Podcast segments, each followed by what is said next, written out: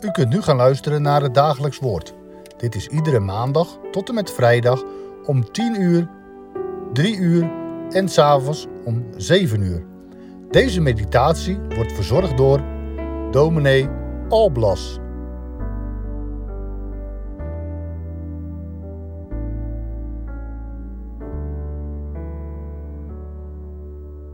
Als God liefde is, waar zie je dat dan? Kijk eens naar al de ellende op deze wereld en misschien ook wel de ellende die u in uw persoonlijk leven raakt. O ja, we spreken steeds weer over een God van liefde, maar Hij is nergens te vinden. Het is de klacht die je vaak hoort, de aanval die ook veel mensen wel verrichten, ook op de gemeente van Christus. Alsof we als gelovigen wereldvreemd zijn en spreken over een God die niet bestaat. Een God van liefde? Kijk eens om je heen. Wij beginnen deze week te lezen uit de profetie van Malachi. En aan het begin van deze profetie lezen we ook deze vraag al. Waar is die liefde van u dan te zien? Hopelijk kan ook deze profetie, dit Bijbelboek, ons helpen, ook bij de vragen die ik zojuist formuleerde. Laten we eerst maar eens lezen. We lezen vandaag Malachi 1, vers 1 tot en met 5. Een last. Het woord van de Heere tot Israël door de dienst van Malachi. Ik heb u lief gehad, zegt de Heere. Maar u zegt, waarin hebt u ons lief gehad? Was Esau niet de broer van Jacob, spreekt de Heere? Toch heb ik Jacob lief gehad en Esau heb ik gehaat. Ik heb zijn bergen gemaakt tot een woestenij en zijn erfelijk bezit prijsgegeven aan de jakhalzen van de woestijn.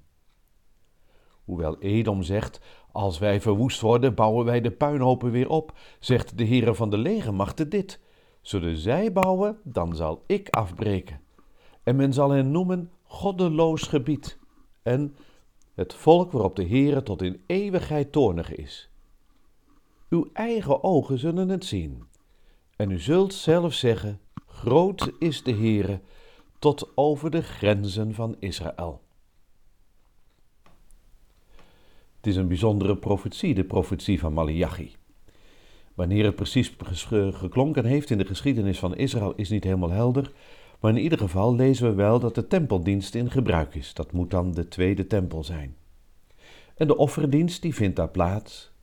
Maar uit het geheel van het Bijbelboek blijkt wel dat die offerdienst er een beetje bij hangt. De ziel is uit de tempeldienst weg. De vormen zijn er wel, maar er gebeurt verder niets met de mensen en de praktijk van het leven komt ook steeds verder van God af te staan. Het volk is teleurgesteld. De messiaanse heilstijd blijft maar weg. De glorie voor Jeruzalem is niet te zien en ook niet te zien dat hij eraan komt. En ze verwijten God dat hij zijn belofte maar niet nakomt. En dan, dan komt God, zoals een vader zijn kind bij zich kan roepen. We moeten eens even praten. De profeet heeft een last, zo begon het, een last. Eigenlijk kun je dat woord ook vertalen met een godspraak, maar wel een last, iets wat zwaar weegt. Het is een ernstig woord. Kom eens even bij mij. Je weet wel dat ik van je hou. Maar wat je nu aan het doen bent. Zo klinkt eigenlijk het begin van deze profetie. En over wat het volk allemaal aan het doen is, oh, daar komt het in het vervolg van deze profetie nog wel. Maar God zegt, we moeten eens even praten. En hij begint dan met zijn liefde. Je weet dat ik van je hou. Dat is het allereerst, hoewel je alle kanten aanvoelt dat de Heere God wel ernstige woorden heeft te spreken tegen Israël. Er van alles mis is. Maar hij begint met de verklaring van zijn liefde. Dat is de basis van waarop het verdere profetie klinkt. Dat is de basis waarop God staat om ook aan te geven aan het volk waar het misgaat met het volk. De basis is liefde. De basis is zijn trouw. De basis is zijn genade. We moeten eens even praten. Je weet toch dat je mijn volk bent?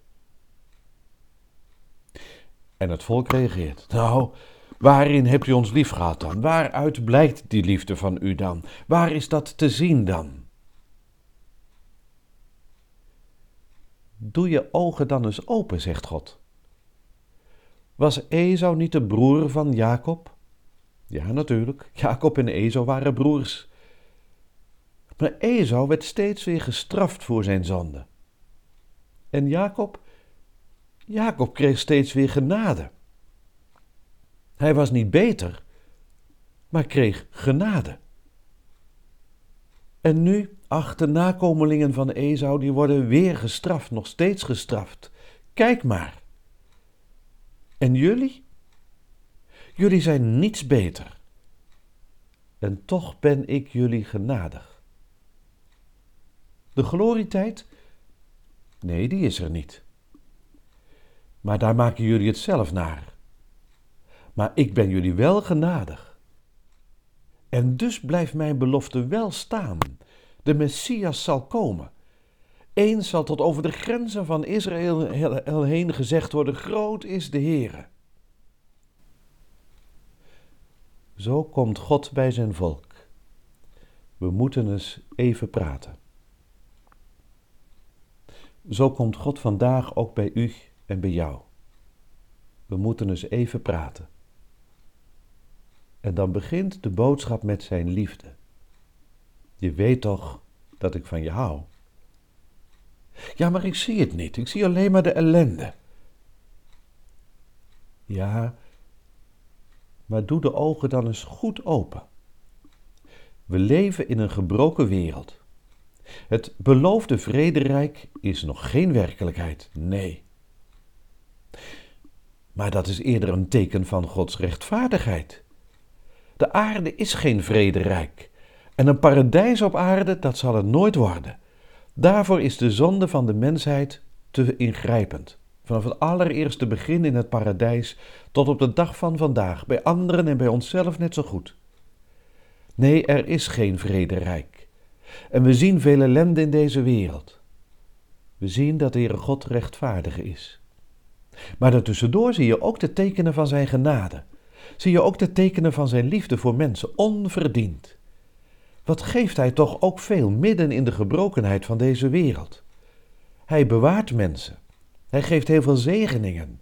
Hij draagt door allerlei moeite heen, zelfs door de donkere dalen heen. Midden in de gebrokenheid van deze wereld is er een en al genade bij God. Wanneer zondaren bij hem schuilen, mogen ze het weer beleven dat ze bij hem welkom zijn en dat hij er voor hen is. Ik ben en ik zal er zijn. Zijn naam blijft staan. Een God van trouw, een God van genade. Nee, zijn glorietijd is er niet. Maar zijn liefde is wel te zien midden in de gebrokenheid en de ellende van deze wereld. Anders zou er helemaal geen leven zijn. Anders zou er helemaal geen hoop zijn. Maar nu wel. Want die tekenen die je toch ziet van zijn genade, soms maar heel klein, soms ook groot. Hou je ogen goed open. Kijk niet alleen naar de ellende, maar ook naar de zegeningen. En weet, ik ben van zijn liefde zeker, ik ben van zijn belofte zeker. Die messiaanse tijd, de Messias, die komt tot over de grenzen van Israël. Zie, ik verkondig u grote blijdschap, die al de volken wezen zal. het is een machtig evangelie. Malachi, het is het laatste Bijbelboek in ons Oude Testament. Het wordt Advent. De Messias zal komen. Waar zie ik nou Gods liefde? Nou, wat deed uit zemelzalen, o Heer der heerlijkheden, op aard u nederdalen, uw grote liefde alleen, uw eindeloos erbarmen met onze grote nood, dat als met reddend armen ons zegenend omsloot. Ik zie Gods liefde in dat kind van Bethlehem. Laten wij bidden. Heere onze God, Wij bidden u om houvast en bemoediging te midden van de vragen van het geloof die soms wel op ons afkomen. Wij zitten soms wel boordevol met de vragen van het waarom. En we spreken ze ook voor u uit. Maar wij bidden u open toch steeds weer onze ogen om te zien de tekenen van genade en liefde. Om te horen de boodschap van hoop en uitkomst.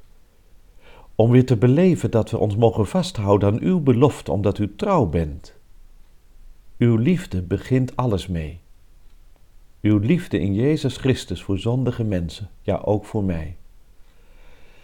Heer God, versterk ons in dat geloof en wees ons genadig, ook op de weg die wij gaan in deze wereld. Wij bidden u voor alle mensen die ziek zijn, die verdriet hebben, voor wie het zo donker is. Voor die mensen die zo geraakt worden door de gebrokenheid van deze wereld, zeker in de gebieden waar oorlog is. Wij bidden u om vrede. Wij bidden u om de komst van het vrederijk van de glorie van onze Messias, uw Zoon, geboren in de stal van Bethlehem, gestorven aan het kruis van Golgotha, opgestaan uit de dood, opgevaren naar de hemel, waar hij zit aan de rechterhand van u en die komen zal. Wij bidden om de komst van uw koninkrijk. O God, draag ons in het leven van elke dag, totdat uw heerlijkheid komt. Uit genade bidden wij u dat. Amen.